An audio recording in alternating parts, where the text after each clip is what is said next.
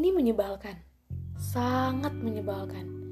Kenapa juga harus kangen sama orang yang belum tentu kangen juga sama gue? Ini berat. Rindu sama orang yang gak rindu kita balik itu cuma bikin sesak nafas doang tau gak?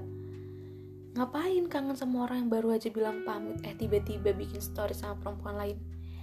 Masih gak nyangka aja sih kisah semanis itu bisa berujung sepahit ini. Eh, BTW, makasih loh. Karena udah karena apa ya? Oh, mungkin karena perginya dengan sopan. Bagus, good attitude